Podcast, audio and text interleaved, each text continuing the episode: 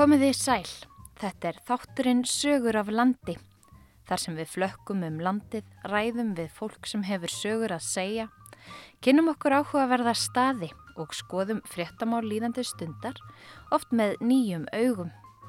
Ég heiti Halla Ólafstóttir og í dag heyrum við af snjóflóðum og snjóflóðahættu í dreifbíli. Við rifjum upp snjóflóð sem fjall á bæin Grundi í Reykjólasveit þann 18. janúar 1995. Flóðið lendi á útuhúsum bæjarins þar sem tveir feðgar syndu skeppnum sínum. Fadurinn lést en sonurinn bjargaðist úr flóðinu. Þegar mennetin loksins fundust eftir erfiða leit voru um tíu klukkustundir sliðinar frá því flóðið fjall. Yngri maðurinn verðt hetjulega, hittastíð var um, já, rétt undir 30 gráður þegar við komum honum í hús. Við hittum bræðurna Guðmund og Unstein Hjálmar Ólafsinni sem bygg á bænum þegar snjóflóði fjall og búa enn. Þá heyri ég sko háan þegar húsins blundrast sko og finnst sko þá hérna snjóin og allt komast eftir auðvum og það vissi ég þetta var snjóflóð sko, ég vissi það leið og það bara allt frakaði. Svo fór ég bara á stað og, og stoppaði sko og ég líka vissi það alltaf að ég myndi að grafa henni upp sko. Við höldum svo norður í land þar sem við hittum feðgana Svein Brynjólfsson og Brynjólf Sveinsson sem vinna nú að því að meta snjóflóðahættu í dreifbíli landsins fyrir Veðurstofu Íslands. Fyrst og hannest að, að sapna saman sögunni, tala við ábúendur og fyrirverandi ábúendur og bara fæ reyna að afla mér upplýsingum um fólk sem að er staðkunnur, þekkir staðina vel. En við byrjum á grund í Reykjólasveit.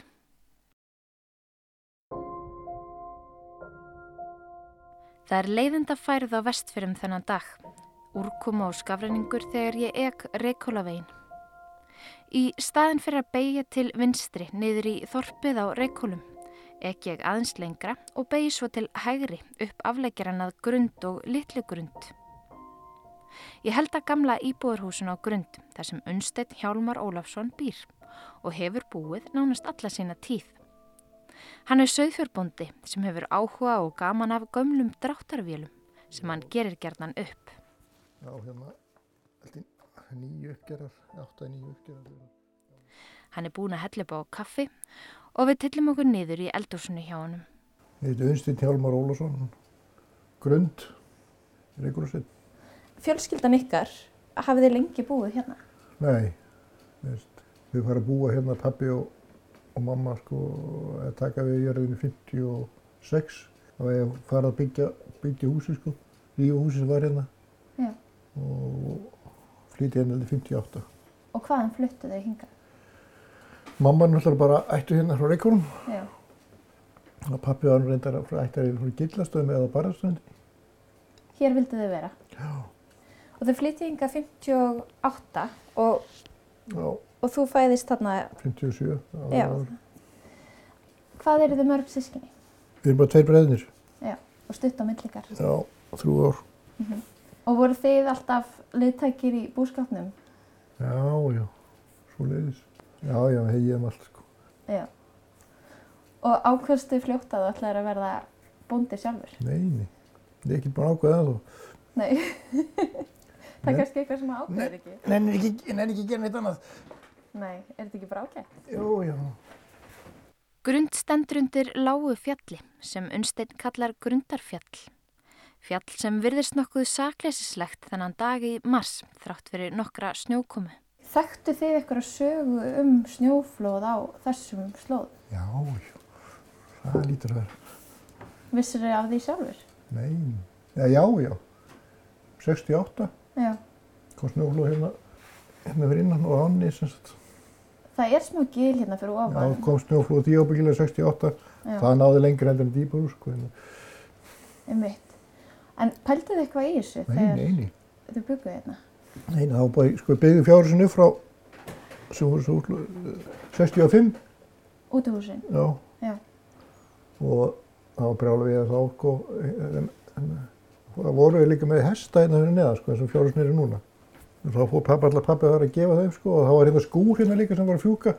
Hjá plötnum lendursveinu, hann ætlaði að fara, fór bara hérna, ætlaði að fara fyrir hans sko til að lendi í geflunum þá lendir það, þá bara, kemur hann bara snjóflóði. Þannig að þið í ykkar búskap og ykkar tíðirna þá meiri sér urðið vitni að snjóflóði. Já, ég svo hann komið sko hérna, svona, aldrei svona langt eins og þetta, eins, komið hérna að hjalla nokkuð eins, svona aðeins. Útuhúsin, var það útuhús sem að fóreldrar þínu byggðu eða voru þau hérna fyrir? Þessi sem að, að, að þau voru með fyrst? Það voru gömur út í torfhús hérna sko þegar þau koma Já, og byggja svo annu hús hérna frá hann 65. já. Ég heiti Guðmundur Ólafsson og heim á Litlu grund í Reykjavík. Þetta er bróður Unstens Hjálmars. Ég hitti hann í húsakinnum Orkubús Vestfjörða, þar sem hann starfar. Hann er þremur árum eldri en Unstein og var því færtugur þegar snjóflóð fjalla á útuhúsin á grund 18. janúar 1995. Hvernig, hvernig mannstu dagana þarna undan? Það var náttúrulega snjór í marga daga og hann flúði fjall sko. Snjófaði og snjófaði. Já, montuður og lendi í rammarsleysi öruglega. Hún hefur öruglega verið hér mikið sko, vissinn. Já. 16. fjall snjóflóð á Vastankin. Gamli tankar fyrir Reykjóla. Já. Það var núti í hlýðinni. Það gerist þá tveimur dögum fyrr. Já. Og tveimur dögum áður en snjóflóð fjalla á útuhúsin á grund. Fjall mannskætt snjóflóð á Súðavík við Áltafjörð sem tók 14 mannslíf. Hér er Unstein Hjálmar aftur. Var orðið mjög snjóþung? Já, já, það var allt orðið kafi. Var þetta óvinni snjóþungt? E, já, það var náttúrulega, já, það var það náttúrulega sko. Já, eða við kringum fjárhúsin, þetta var alveg, alveg meiti síkt. En hvernig mannstu 18. janúar 1995? Já, ég fór bara niður að gefa, eða, eftir, gefa rollanum og pappi fór í fjósið. Svo þegar við komum upp í fjós, sko, þá segir hann svo við mann að við förum ekkert heim eftir. Af hverju segja hann það? Ég veit það ekki, Út af því að það var ófært eða bara eitthvað tilfinning? tilfinning. Mm. Og svo sem, já, það var alltaf svona, svona, svona, svona, alltaf svona, maður var með hálfri helli fyrir eyrun alltaf. Það var bara út af einhverju, ég veit það ekki, þrýsting eða eitthvað, eitthvað, eitthvað, eitthvað svo leið, sko, og hérna. Ég vildi alltaf vera nálægt honum. Það ég vissi, ég fann alltaf á mér að veimdi eitthvað ske. Mm Og hérna, ég var alltaf nálægt honum, sko. Svo þegar þetta voru búinir, sko, þá hérna, stóð ég bara við hurðinu sem við fórum út, sko, með baki í hann og, pappi var að, var aðeins að laga eitthvað hérna, mjölkubrúsa, rétt hjá mér, bara tvo metri með hjá mér. Og þá, þá heyri ég, sko, háan þegar húsin splundrast, sko, og finn sko þá hérna snjóin og allt komast eftir auðvitað mig og þá vissi ég þetta var snjóflóð, sko, ég vissi það um leið og það bara allt brakaði, sko. Svo fór ég bara á stað og, og stoppaði, sko. Og ég líka vissi það alltaf að ég myndi að grafa henni upp, sko. Þú þurfti bara að býða. Svo ég bara, já bara, já það var vest náttúrulega fyrst sko, ekkert vest náttúrulega uh, þegar snjóri, nei þegar, þegar súrumni fer úr snjónu sko. Það kom hann- svona saman með braki. Tvísvar, ég vildi ekki máða þriða sinn. Og þjættist þá Og að þér. þétt, já það alveg kom bara, það þéttist að mér sko. En Hvernig, í hvað stellingu varstu? Ég, já, maður veit það, ég held ég liði á bakinu, Já. eira hendinni hér og hinn einhverstað hérna. Hendina upp við andliti. Já. Já. Og hvað varstu lengi með rænu? Hvað, Ég er bara dætt út og já. Já. Þú mannst eftir hreyfingunni þegar snjóflóðu tók þig. Já, ég man eftir því þegar ég fór sko stoppaði svo mann eftir sko á eitt smá tíma sko. Mm Það með allar með að súrnega lofti var að fá snjónum og hann að kreppa saman og Fannst þú vera yfirvegaður? nei, nei, Varstu hrættur? nei, nei, Þú sagður og vissir bara að þú erið fundin. já, já, bara okkur að leggja mig. Svo detta maður bara út sko, Já. þetta er ekki neitt sko. Hvað heldur að hafi liðið langu tími að þú notast út? Það var bara ekki, bara, ég það ekki, mjög lítið, Hverja mínútur? já, tvær, eina, tvær mínútur kannski. Mm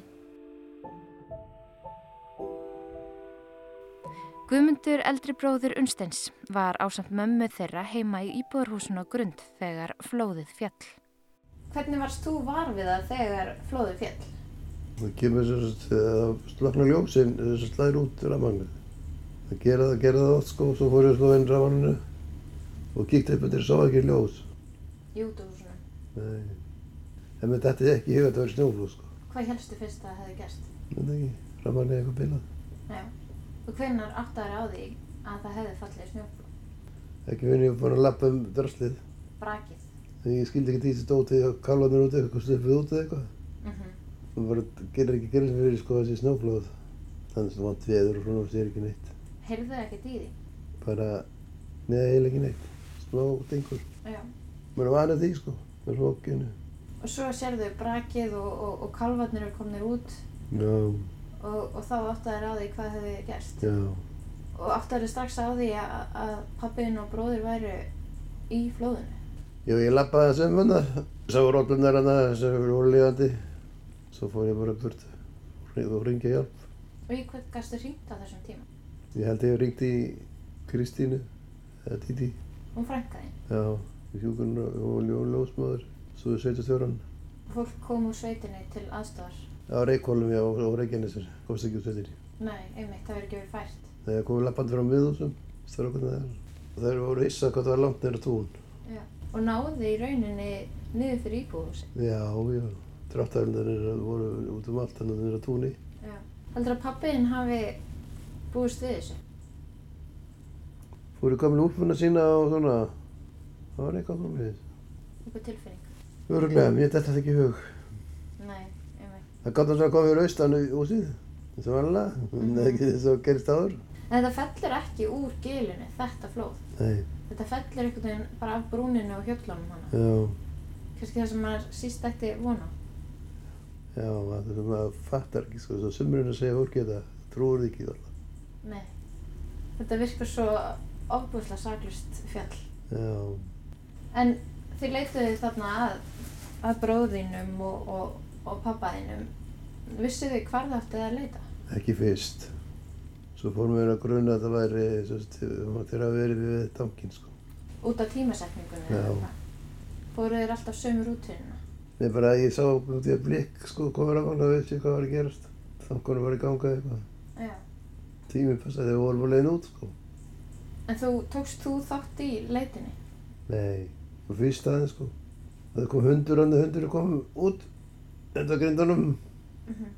Og hérna, við fórum í lappetúrum með honum hann, hann, sérst, ég er búinn að ringja held ég voru út aftur að gera það. Fórum að krafsaði eitthvað starf náni, ég bara pældi ekkert í þessu. Það var örgulega verið þeir. Passar setna að það var búið að grafa upp, sko. Greint var frá snjóflóðun á grund í sjómasfréttum ríkisútverfsins. Gunnar E. Kvaran, fréttamaður, segir hér frá. Það var á tíunda tímanum í kjarkvöldi sem snjóflóði fjall á útihúsin á grund en þá var aftaka veður á svæðinu. Fæðgar á bænum, áttræður fadir og liðlega fertugur sonur hans voru við gegningar í útihúsum þegar snjóskriðan rann fram og lettu þeir báðir í flóðinu. Bjarni P. Magnússon, sveitastjóri Reykjólarreps, býr á næsta bæ við grund. Hann og fjölskylda hans örðu vör við snjóskriðuna án þess að átta sig á því hvað væri á ferðinni. Ég fór út og held að þakkið væri að, eða plötur á þakkinu væri að losna, eitthvað væri að gefa sig þar. En það hefur svo verið eh, flóðið sem sagt hér. Það var bara svo glórulaus blind bílur að við sáum ekki neitt. Stuttu síðar áttuðu menn sig þó á því hvað hefði gerst og var þá allt sett í gang til að reyna að kalla fram aðstóð. Allir tiltækin menn á Reykjólum voru kallaði til og á Reykjanesi brutust menn á staðin við erfiðar aðstæður og almannavarnir ríkisins voru settar í málið. Og í Stikkisólmi var sett upp stjórnstöð leitarinnar í húsnæði Björgunarsveitarinnar Berserkja undir stjórn Þóráls Haldarssonar, síslumans barstrendinga. Í, hér í Björgunarstöð Berserkja í Stikkisólmi er verið að skipuleggja leitarflokka til að fara á Reykjólum. Þórólfur, hvað er þetta umfangsmikið leit sem að verði sett á stað núna? Þetta er afmarkað flóð sem hefur fallið eh, á grund eh, á fjárhús og uh, það eru þegar 20 menn frá Reykjólum komnir á staðinn og byrjaði leit. Það eru 8 menn á leið frá Garpstall í Reykjólasveit að uh, grund og uh, umfangið vitum við raunverulega ekki. Það er afskaplega slemt veður þarna og hversu umfangsmikið eða stórt þetta flóð er það við höfum engar upplýsingar um enn sem komið er. Björgunarsveitin í Búðardal hófst strax handa við að riðja veginn í áttina Reykjólum en úr vöndu var að ráða vegna þess að ekki var hægt að fara veginn um Gilsfjörð því hann hefur verið lokar vegna snjóflóðahættu og ekki var heldur hægt á þessari stundu að senda aðstóð sjóleðina vegna þess hver veðri var vond. Björgunarsveitir úr Búðardal og sveitir frá Hellu og Selfossi sem statta voru á svæðinu með öfluga bíla voru sendar af stað og fylgdi þeim sjúkrabifrið með hjúgrunulið og snjóplógur. Þess átt að freysta að riðja leiðina yfir á Skarðströnd um Fellströnd og Klopning en á Skarði á Skarðströnd átti síðan að freysta þess að ferja liðið yfir annarkvort með Baldri eða Karlsei skipið þörungavinslunar. Vegna gríðalis fannfergis og óveðus komst leiðangurinn eftir nætulangan barning ekki lengra en framöndir fann. En meðan hjálpalið reyndi áranguslaust að komast á staðin heldu heimamenn og reykólum áfram leit sinni við ótrúlega erfiðar aðstæður. Við reynum að meta hvar þeir hafi verið stattir í verk við verkin. Segja, þetta eru samlið fjárhús og fjós og við mátum það þannig að þeir hefur verið að ganga frá og þá reyndum við að reikna okkur út og við fundum mjölkuskápinn og, og, og, og hérna mjölkugeiminn og svo unnu við út frá því. Þegar mennetin loksins fundust eftir erfiða leit voru um tíu klukkustundir hliðinar frá því flóðið fjall. Yngri maðurinn berst hetjulega, hittastíð var um, já, rétt undir 30 gráður þegar við komum honum í hús og það er að hækka og hann, við heldum hann væri brotinn en það hefur svo komið í ljós að það er kannski ekki eins mikið og við ætluðum.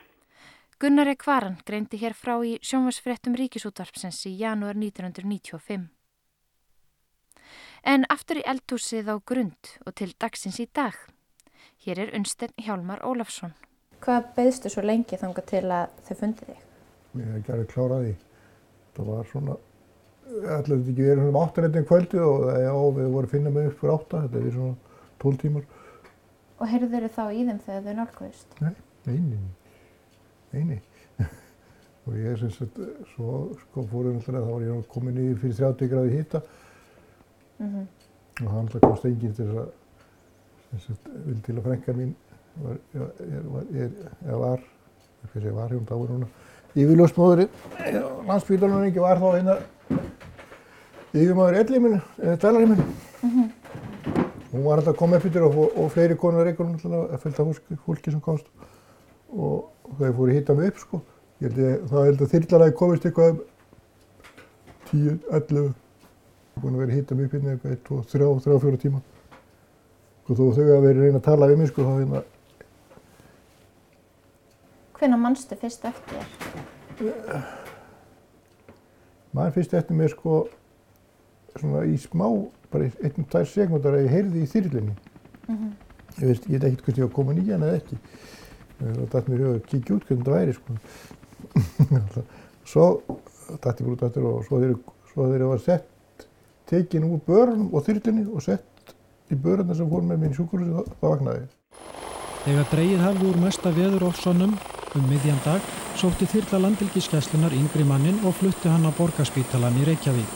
Það var uh, blindtríð og, og, og, og mikill vindur nær allan tíman sem að, að, að þessi menn uh, voru við björgunarstörf á, á Reykjólum og þeir hafa, hafa unnið geysilegt þrekvirki heimavenn á Reykjólum. Hér síðast rætti Gunnar Ekvaran við Þórólf Haldorsson, síslumann í Barðastrandasíslu í sjónvarsfrettum Ríkisútvarpsins. Svonar umhors hér við útuhúsun á grund í Reykjólasveit eftir snjóflóði sem fjall í gerkvöldi. Hér stendur ekki steitni við steini og hér leituðu leithelmenn í alla nótt við mjög erfiðar aðstöður af mönnunum tveimur sem þau fundi í morgun en enn er verið að leita hér í rústónum í vonum að finna lifandi skeppnur. Sigrún Stefánsdóttir fréttakona sagði frétti frá vettvangi og rætti við Stefán Magnússon, Ottvita og leitaramann. Hvernig lýsur það aðstæðum hér í nótt til leitar? Alveg hörmulegum. Eftir að vera búin að sjá þetta hvernig í Súðvík þá gæti maður ekki trúa með þetta eftir að upplifa þetta að sama. Þú segir að eldri maðurinn hafi verið látum þegar aðvað komið hér í morgun en hvernig var ástand sonar hans? Já, maður getur eiginlega bara ekki lýst því. Það var þannig að ég kom, fann þá, veist á samt fleirum og hérna maður bara getur ekki lýst því hvers konar tilfinning það er. Við fundum þarna hólu og rétt inn hend og það var gripið allt inn um puttarammanni þannig að veist, maður getur bara ekki lýst því. Svo þetta er bara erfiði sólarhingur? Mjög svo. Sigrún rætti einnig við Jónas Samuelsson, leitarmann. Hvað var þetta stórt snjóflóð? Þetta var gríðarlega stórt, mjög stórt. Fór hérna, hérna lengst út. Telur það að hætta sér liði hjá eða það séu líkur á hér komið annað flóð? Það er hætta á að komið annað, já. En það er nokkuð mikið hægt á því. Hvað hafið þið fundið lífs hér í dag? Við erum búin að finna, um, við erum búin að finna um, um 60 hindur og 6 kalva. Það er búin að flytja það hérna burtu. Hvernig hefur ykkur já, liðið hér í nótt?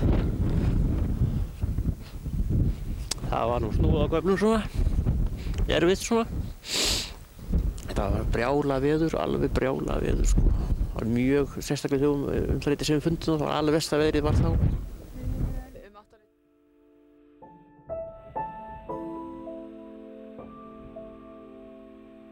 Ólafur Sveinsson, pappi Unsteins og Guðmundar, var látin og Unstein Hjálmar lá nú á borgarspítalanum í Reykjavík, þángar sem hann var fluttur með þyrlu. Átt ára á því hvar þú varst? Já, já, held ég. Já. Slasaðistu? Nei, smá kal hérna á löpunum. Já, en öðru leiti? Já, kal hérna á, á nýjanu og lærunum. Og var það eitthvað sem að, að þú gæst jafnaði á eða hefur það háð þér? Nei, nei, það er alltaf kannski smá laut hérna einu stafnum. Mm -hmm. En því miður þá fúst pappiðin í, í þessu snjóflæði? Já, já, já. Þess vegna sagðist hann ekki vera heimaftur. Hann vissi það? Já. Hann fannst hann endur undan mér, sko. Og heldur að þau hafi mist vonuna þá að finna þig á lífi?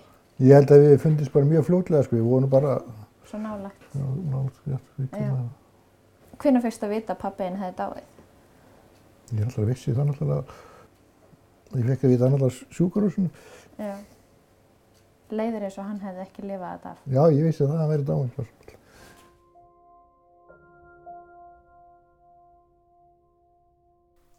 Á grund var haldið áfram að leita enda fjallu snjóflóðinn á útuhús bæjarins sem hýst um 250 kindur, 16 kýr, nokkra kálfa og hross. Hér segir Sigrun Stefansdóttir frettakona frá. Talið er að um 200 fjár hafi drepist í snjóflóðinu en um 70 kindur björguðust. Þá drápust um 20 nautgripir en hægt var að bjarga nokkrum kálfum.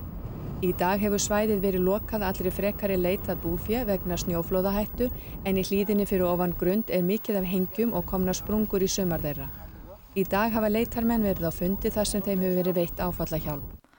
Ólafur Sigursson, fréttamaður, rætti við Unstein Hjálmar í sjónvarsfréttum þegar hann var enn á spítalanum. Í viðtalinu situr Unstein uppréttur í sjúkrarúmi í fötum mertum þóttahúsi spítalans. Nú er uh, mikið tjón sem hefur orðið þarna verið vestan. Ætlar það að fara vestur á grund aftur? Ég veit ekkert hvað maður gerir sko. Ég veit náttúrulega ekkert hvernig þetta lítur út aðeins þá sko. Nú hafa nágrannarið vínir þarna í sveitinu bröðist ákvæmlega kröftúlega við þegar þetta gerðist. Já, ég vil bara senda þeim bestu þakkir fyrir að bjarga mér. Ég veit að þetta er miklu erðara fyrir þá heldur en mig. Ég er ekki, það er ekkert að mér. Ég er alheil og óbrotin og til mér bara að vera að fara að losna bráðum. Sjúkurhúsinu. Þegar þú síðan ert búin að ná bata og ferð að koma aftur heim, hver leiði langu tími þannig til þú komst aftur hinga, vestur? Það var alltaf alltaf sko, ég fór alltaf, ég var alltaf lengi, ég hafði, ég hafði svolítið lengi á sjúkurhúsinu, það var bara, ekki, það var ekkert að mér sko. Ekki með þetta kalsár, bara á, svona eitthvað kalli á, það var eitthvað reyndar eitthvað, kom kal í lungun held ég eitthvað líka. Mm -hmm. En hérna, svo komst maður alltaf ekki heim því að það var alltaf vika eftir að hérna, eftir ég leiði snjórnlega, það út, kom rútur alltaf á helgavindu vestur. Já. Hún komst ekki fyrir eftir viku, tíu dag held ég vestur, suður. Út á óferð? Já. Já. Gilsfjörðin var þá ekkert mjög... Það var ekki búið að brúa hann? Nei. Einmitt. Og þá held ég að ég liði vika eða meir eftir að ég komst, komst, var færtir að komast vestur aftur. Einmitt. En varstu alveg staðræðan í því að þú myndir halda áfram að búa hér? Ég held að bara þegar ég var í bænum sko þá hérna, frendi minn var reyndin í sveit og hann er svona, ég fór til hans og sagði hann að tekna fyrir fjárhús. Já, það var fyrsta verkefnið. Þannig að þetta hafiði ekki þau áhrif á því að þú gast ekki hugsaðar að búa hérna aftur? Nei, nei. Svo byrjum við að byggja fjárhúsin 17. júni 95? Já, og settum rollur í það um höstið. Já. Og hvar ákveðið að byggja nýja fjárhúsi? Þetta var það sem gamli fjárhúsin voru, fyrstu fjárhúsin voru en sækir enginn uggur að þér þegar það byrjar að snjóa svona eins og er búið að gera Já, ég ekkert, á- nei, nei, ekkert, ekkert alltaf, stundum kannski. Já. Ekki einu sinni, ekki einu sinni hérna raunilökunum kent. Í svona veðri? Nei, Í hvernig aðstæðum var það? þá var ég að taka gröf fyrir lík kirkjari Já. og það var að fara niður í hana til að reysa botni. Þegar ég var að lappa niður þá kom svona, svo ég held bara á niður. Mm Svo betur verður maður oft ekki í þessum aðstæðum. Nei, akkurat. En þú er Ég segi það ekki, mér leið samt ítla þegar brála veður og flatberi var. Það voru verið að fara að byggja fjárhúsin. Það var brála veður hérna líka. Já, þannig oktober 1995. Já.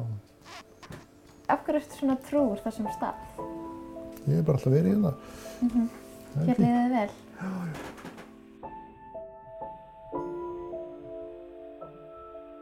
Hér er Guðmundur, bróðir Unstens Hjálmars. Sáttu ekkert aður ykkur að halda áfram að búa á grönd? Nein. Þegar við vorum að pæli að setja varnakarð, sko. Já. Við vorum aðeins búin að te láta teikna það upp. Bara það er vera svo stór og mikill. En þið farið út úr húsin? Já, gamlu húsi voru. Já. Gamlu húsi voru þannig yfir á sem útúsin er í dag. Og hérna, getur verið að þau hafa staðið út af því að komið snjóflóð og gilin þessum tíma. Gamla það. Það er svo líklegt. Þannig að hafa komið örskriður. Og þarna hafi fólk trúið að, að, að þær, þau væri í vari, þarna niður frá. Já, langt frá. Já. En þú, þú heldur ekki bara áfram að búa á grund, þú ákveður að byggja og, og, og svona halda áfram með þitt fullbjörnarslíf á bænum. við erum bara stein, steinhús. Þau var til jarnagrind og stefði blötu og reyfist ekki. Úti til raunina átti að vera einhverju massíu jarni og Og þá fórstu eftir einhvers konar mati eða hvað, hvað þú myndir staðsetja húsið. já, þess að við svona vissum þetta hvernig það var. Á þessum tíma þegar snjóflóðið fjall á grund í Reykjólasveit var snjóflóða eftirlit veðurstofunar ekki með sama hætti og það er nú. En mikil vitundavakning varð eftir þetta mikla snjóflóða ár 1995. Það leið nokkur tími þar til aðstæðar voru teknar út við grund. Það var að vona að það kemur ekki til að skoða flóðið. Já. Það komur náttúrulega ekki til netti þrjú ár. Já, þá, einmitt, var lítið eftir að því. Já, sko, já, reynda var hérna svona strákur hérna inn í sveit sem er svona, svona fulltrúið eða eitthvað snjóflóðamann hérna, sko. Það komur reyndar á, þetta var eitthvað, var eitthvað grólega mælt og teiknað upp. Mm En ekkert gert endilega með það? Nei, nei, ekki mér að þau komu. Nei. Og hvað var síðan gert þegar þau komu þannig til þreymur sko, árum síðan? skoða þetta bara eitthvað. Og þetta er ekki alveg mikið hægt að svona hérna, en út í sveitum eins og er ekki þessi meiri, meiri mannsfjöldi í þorpunum en það er hægt út á sveitum líka. Mm Og oft margir sem búa á bæjunum. Já, já, já. Og, meiri, og oft mikið tjóni á þetta skeðu sko. Sér að dóin er því alla beljunar og líka það er 16 beljur og, og var lifði held eitthvað, eitthvað 60 eitthvað rollur, eitthvað 200 eitthvað rúmlega 240-50 rollur. Það voru mörg líf sem fóru þarna. Já, fjórir hestar og einn dráttavel og Já.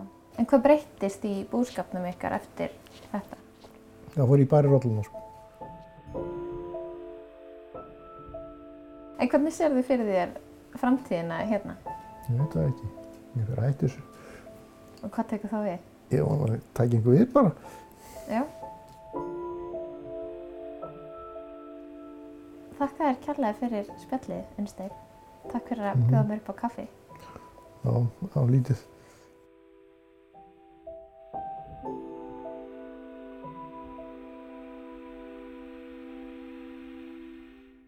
Þarna heyrðum við í unstinni Hjálmari Ólafsinni, íbúa og grundi í Reykjólasveit, sem sað okkur frá snjóflóði sem fjall á útihús bæjarins þann 18. janúar 1995. Einnig var rætt við bróður unstins, Guðmund Ólafsson sem býr nú á litlu grund og þá heyrðum við fréttabrott síðan í janúar 1995. En úr Reykjólasveit höldum við norður á Dalvík, nánar tiltekið í götuna Böggvisbraut. Ég þangan komin til að hitta feðgana Brynjól Sveinsson og Svein Brynjólfsson. Góðan dag. Nei, góðan daginn. Er ég á réttum stað? Þú ert á réttum stað? Þar næsta húsi við skíðasvæði? Já, já, það er bara... Ég mælti mér mót við feðgan á Dalvík þar sem þeir hafa undarfarin ár unni að því að meta snjóflóðahættu í dreifbili landsins. Ég heiti Sveit Brynjólfsson, ég er sérfræðingur og ofanflóðasviði veðustofunar mm -hmm. og vinn þar bæði á snjóflóðavaktinu og við hættum að. Já, ég heiti Brynjólfur Sveinsson og kom reynar inn í þessa vinnu hjá veðustofunni sumarið 2008, ekki fyrr og hef verið að vinna við ofanflóða hættum að dýdreifili síðan og kem svona inn í vinnuna hjá Sveini dálítið og hann er svona kannski fyrir um göðlinn þó hann sé, sé yngri. Hvernig er það sem að, að það verður svona vitundavakning og, og stefnubreiting með hættumat á landinu? Það náttúrulega verður alveg verða strömmkvarf 95 eftir stóru slísin fyrir vestan, Flatur og Súðavík. En svo er það kannski ekki mikið verið að hugsa um dreifbíli í sjálfur sér fyrir en já, sennilega þá bara eftir slísið á bakka í Ólasfjörði 2004. Allavega sumari 2005 er farið að stað í fyrsta skiptið með svona markvisa aðtugun á snjóflóðhættu í dreifbíli. Hvað er það sem gerist á bakka? Það fest hann maður í íbúarhúsi sem hann bjói en það var búið að rýma það á bakka í Ólasviði og hann var á öðrum bæ, dvaldi þar en þurfti að sinna fjárhúsinu voru að sligast og hann þurfti bæði að gegna fjennu og, og bjarga húsvonum en svo vildi svo að pila til þegar flóðið fór á íbúarhúsi hans að, að hann var þar stattur. Emitt og það er kannski bara staðrind með dreifbílið að það er ekki svo auðvelt að skilja alveg við bæina. Nei, nei, það er náttúrulega mjög erfitt oft á tíðum þá út af gegningum við skefnur og, og mjöldum og slíku. Maðurinn sem lést í snjóflóðinu á bakka hétti Kári Ástvaldsson. Hann var 47 ára. Björgunarsveitamenn frá Akureyri, Dalvík og Ólasferði byrjuðu í dag að hreinsa svæðið hér við bakka og það er ljóst að eðileggingin er nánast algjör. En ljósið í myrkrinum er að í dag fundu björgunarsveitamenn hund í rústónum sem hafði þá verið þar líklega í um það byl 8 sólarhinga. Hér heyrum við í sjómasfrétt nokkrum dögum eftir að flóðið fjalla á bakka í Ólafsferði. Karl Eskil Pálsson, fréttamaður, segir frá og ræði við Georg Kristinsson, formann björgunarsveitarinnar Tins. Og hér stendur ekki steinni við steini, hér finnst ekkert nema bara pínu litli personlegi munir og það er allt í kurlið hérna. Þannig að krafturinn hann hefur verið mikill? Hann hefur verið alveg geysilegur, það er alveg ljóst. Og hvað er það þá eftir þetta slið sem að fer að stað hjá viðstofunni?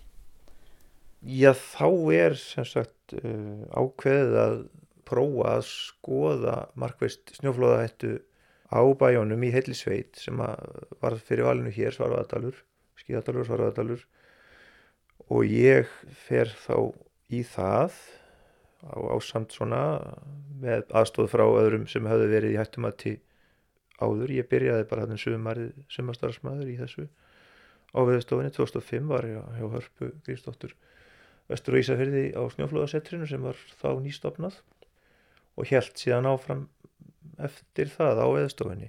Já, af hverju hafði ekki verið tekið tillit til eða, eða fókusun verið settur á dreifbili fyrir, hafið skýring á því?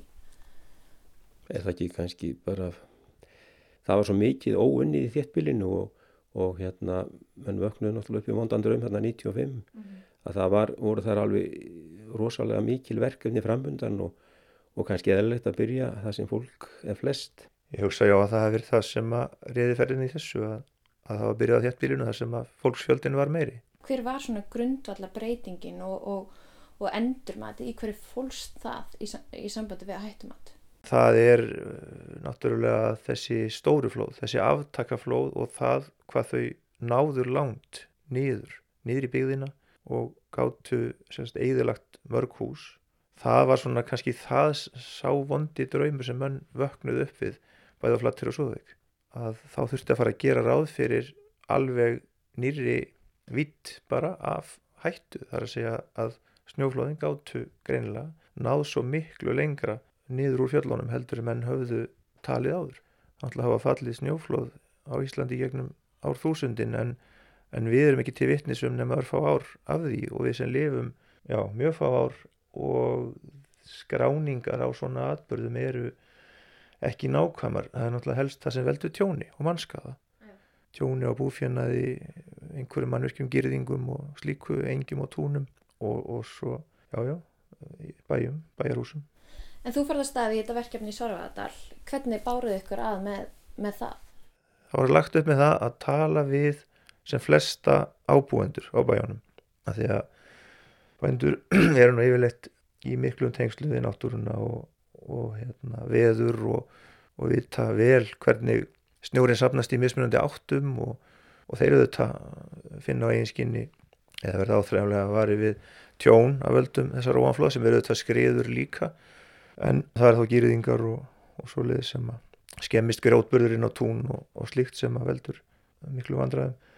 Og það var bara svona það fyrst, með því fyrsta sem að ég gerði það var að fara á sem flesta bæi og nánast alla bæi í sveitinni og, og tala um henn og fá upplýsingar og kortleggja skrifa eftir þeim og við erum með gagnagrunn þar sem við skráum allt sem við fáum upplýsingar um öll snjóflóð, alla skriður og reynum að kortleggja að teikna inn á kort útlínur eins og við getum og síðan erum við með líkareikninga sem við beitum sem hafa verið þróaðir elvendis og eru svona svolítið að tvennum toga sem er kallað einviðir og tvíviðir mm. og þeir byggja þá á auðvitað, því sem hefur gerst að vera að herma atbyrjuna sem hafa gerst mm. þannig að svona það var sérst ákveðið að í dreifbílinu er þetta ekki dregnar útlínur eða þessi hættumatslínur yfir heilu svæðin heldur væri skoðuð hættan á hverjum bæ. Og það gerum við enþá í þessum svæðin sem við erum að vinna í dag. Við höfum haldið áfram með nærlegjandi sveitir og fært okkur svona út frá Svarvadal til austus og vestus og það er þannig að við flokkum bæina í, í þrjá flokka, megin flokka. Það er sérst snjóflóðhætta við aftaka aðstæður sem að samsvarar einhvers konar A og B svæði með þéttbíli sem eru bláu og gululínunar og aftur augljós snjóflóðhætta eða veruleg, heitir það sannlega. Það samsvarar þá í rauninni rauðarsvæðinu, síðasvæðinu í þéttbíli. Svona um það bil, en þetta eru þetta aldrei mjög nákvæmvísindi. En þetta er það sem við vinnum út frá og síðan þá höfum við líka flokkin bæir í hættu vegna skriðfalla og svo tóku við og höfum gert að halda til hliðar líka krabbaflóðahættunni. Þetta eru þá í sjálfu sér fimm flokkar, það er þá viðunandi og aftakaðstafur og veruleg í, vegna snjóflóða mm -hmm. og það er krabbahætta og það er skriðahætta. Einmitt. Þannig að mikið af þessu mati ykkar það byggir á minni manna og reynslu. Já, það gerir það svo sannarlega sko að hérna eins og ég sagði aðan þá kom ég inn í þessa vinnu sumarið 2008 hérna í byrjum hérna í, í Óksnadal, það var verið vinna skýslu hér í Óksnadal, það var svarfaðalur frá sko, þannig þeirri vinnu. Og eh, svona megin þættirnir í því sem að ég skoða í sambandi við mín átekt á ofanflóða hættu í dreifbili er fyrst og fannst að, að sapna saman sögunni, tala við ábúendur og fyrirverandi ábúendur og bara fæ reyna að afla mér upplýsingum um fólk sem að þekkir, er staðkunnur, þekkir staðina vel. Þetta geta verið, þetta geta verið móstusmenn vegagerðarinnar, þetta geta verið mjölkubilstjórar, þetta geta verið um, línumenn hjá Rarik og, og bara alls konar fólk sem að áratugum saman hefur verið í vondum öðrum og, og á vetturnar á ákvöðnum svæðum sem að þekkir viðkomandi fjálsliða mjög vel. Já, og hvernig hefur einslan verið, gefur fólk þessu gögn? Já, já, þetta er bara mjög svona áhugaverð reynsla af þessari vinnu vegna þess að fólk er mjög áhuga samt um að gefa þessar upplýsingar yeah. og hérna tekur manni alveg útrúlega vel alltaf. Búin að drekka marga kaffibólar? Já, já, margir kaffibólar. Margt gott spjallið sem ég átt við fólk mm -hmm. og fólk er bara mjög jákvæmt út í þessa vinnu og, og finnst þetta náttúrulega bara alveg frábært að stofnun á vegu ríkins skuli vera að að sapna þessu saman og, og gefa sér hættu góðum yeah. og hérna svo líka hefur þetta komið stundum inn á snjóflóðavaktin að þá eru snjóflóðavaktin að ringja einstakka bæð þar sem við höfum kannski ágjur af og menn eru mjög þakklátti fyrir að það sé svona verið að, að hugsa til þeirra. En þetta er kannski tvíþætt sko þessi úttækt sem ég er að gera. Það er annars vegar þessi söfnun á snjóflóðasögunni og hins vegar náttúrulega svona að reyna að skoða náttúrufarið.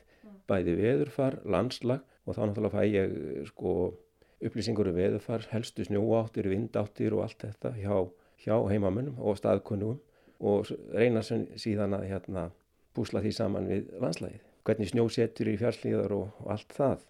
Svo er náttúrulega líka kannski fleira sem kemur inn í þetta. Það er byggðasagan. Það skiptir verulega máli í þessu sambandi að vita hvort bíli hefur verið í eyði kannski einhver áratíði. Því þá kannski hverfu snjóflóðasagan á meðan mm -hmm. að einhverja leiti. Og svo hefur ég hérna líka notað dálítið svona eftir sem ég haft tíma til að fara um svæðið, vettnámsferðir og, og skoða ummerki eftir snjóflóð. Já. Það er gríðarlega mikilvægt. Þau, þau segja alveg gríðarlega svona mikla sögu og eru oft, koma manni oft verulega á spórið. Hvernig eru helstu ummerki eftir snjóflóð? Já, það er kannski fyrst og fremst svona grjót á viðborðinu, sem við kallum snjóflóða grjót. Mm -hmm.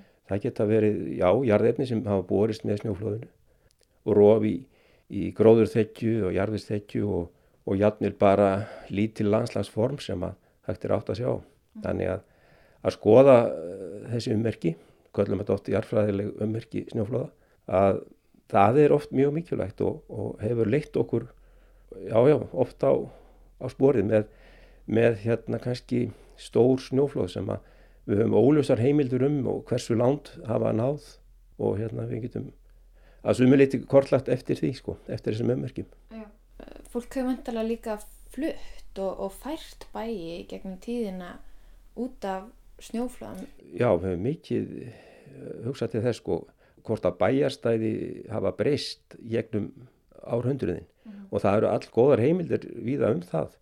Til dæmis í Skagaferði er náttúrulega þetta frábæra rittbyggðarsaga Skagaferða sem, sem að hérna er alveg ómættanlegt að hafa aðganga og, og hérna hefur komið okkur mjög gagn í því þessu sambandi. Er þá tekið fram að... að já, já, það er, það er mjög nákvæma lýsingar á bæjarstæðum þar og bara, bara upp á metin næstu því hvort að hvernig bæjarnir hafa hreifst til. Já, hvernig miðar þessari vinnu áfram? Þetta er, þetta er vinna náttúrulega sem á eftir að taka áratögi. Henni miðar náttúrulega allt á hægt, sko, held ég að flestra mati. Sko það, nú, nú þegar gefið út þrjár skýrslur, þrjúsvæði, það er Svarfaðardalur, Hörgardalur, Öksnadalur og svo hluti af Skagafyrði, Skagafyrður austan vatna utan Akrareps heitir svo skísla en við höfum tekið þann pól í hæðina að kannski að slá af í skísluskrifunum svona að þannig sé að við erum ekki að að gefa frá okkur endanlega skíslusvæðisins frekar að fara yfir fleiri svæði og, og sapna saman sögunni því að það er svo mikilvægt að gera það bara áður en að sagan hverfur sko með fólkinu sem að kannski er á förum. Já. Þannig að þótt þessu ég er búin að gefa út þessa skýslu þá eru þið komðir lengra í heimildaöflunni. Hvernig miður ykkur? Okkur miður auðvitað miklu hægar heldur en við vonumst til og höfum svona verið að leita leiða til þess að hraða fyrir okkar yfir svæðin með því að kannski forgámsraða þá bæjum, reyna undanskilja alveg einhverja bæji og komast hann yfir fleiri sveitir. En hvernig staðan til dæmis á vestfjörðum og östfjörðum? Síðastlega sumar fór ég, fór ég um Jökuldal og Hrattkilsdal fyrir austan mm -hmm. og hérna sapnaði saman upplýsingu þar og það er svona í farvætnin að fara áfram eh, um hér að fara Fljótsdal og Skreital líka. Mm -hmm. Fyrir vestan hefur verið sapnað eitthvað sett, þú veist kannski betur um það. Þau hafa sapnað svona upplýsingum fyrir vestan mm í dýraferðuverðundaferði, Bólumveik, já, og svo í Mýrdalnum. Þannig að við höfum fengið liðsauka en að mestuleiti eru við í þessari vinnu hér fyrir norðan tveir.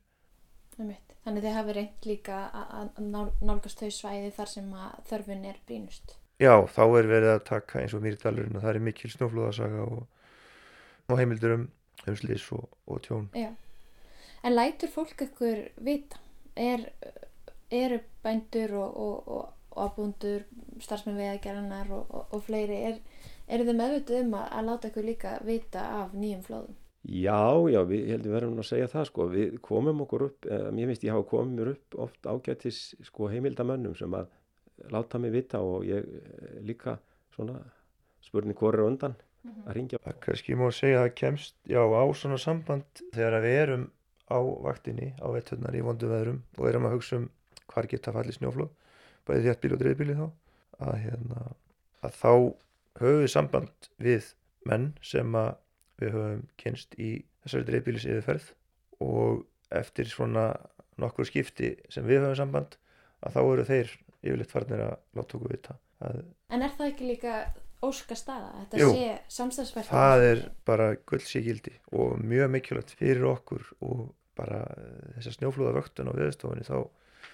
þá er þetta mjög mikilvægt að fá upplýsingar frá, frá fólki bara um landið sem að bæði býr og er á ferðinni um fjallendið. Hvort sem það eru sko bændur eða, eða einmitt vegagjara menn eða, eða estmóstusmenn og, og bara línumenn og, og fjallalessugumenn og sleðamenn.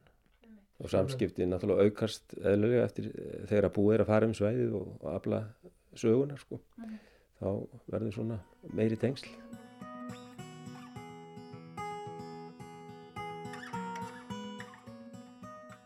En þið sem sagt farið yfir þetta og þið metið hættuna á, á bæjunum og þið hafið upplifað að fólk sé almennt þakklátt fyrir það að þið svona gefið í gaum hvernig staðan er og, og, og svona eru í sambandi við þau þegar um, gerir ykkur veður.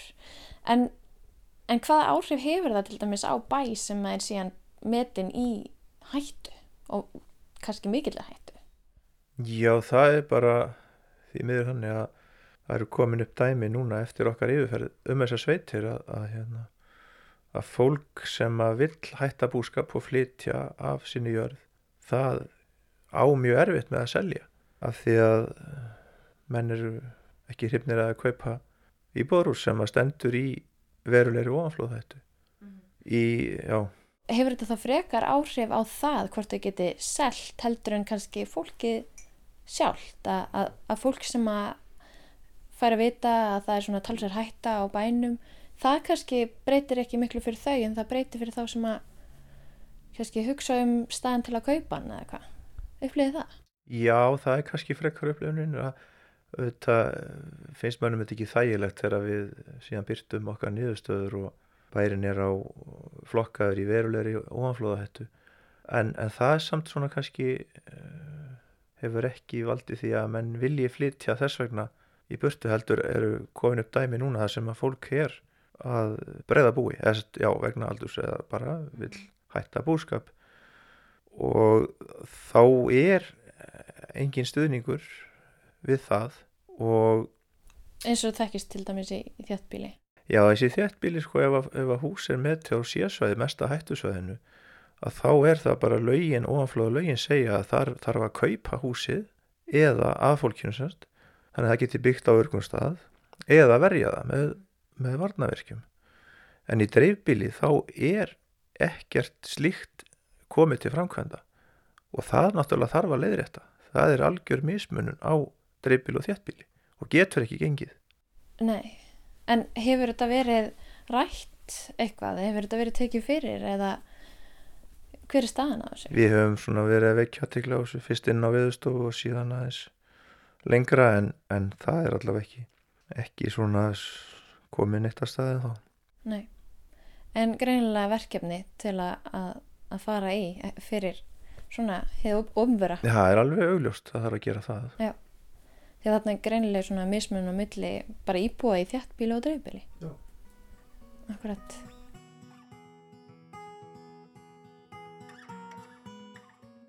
Fyrst ykkur að, að, að svona þegar þið fara að spá svolítið mikið í þessu að, að þið sjá ykkur þróun eða sjá ykkur munstur eða eitthvað sem þið hafi orðið vísari sem þið byggust ekki við? Meinar við hefðu náttúrunar? Já.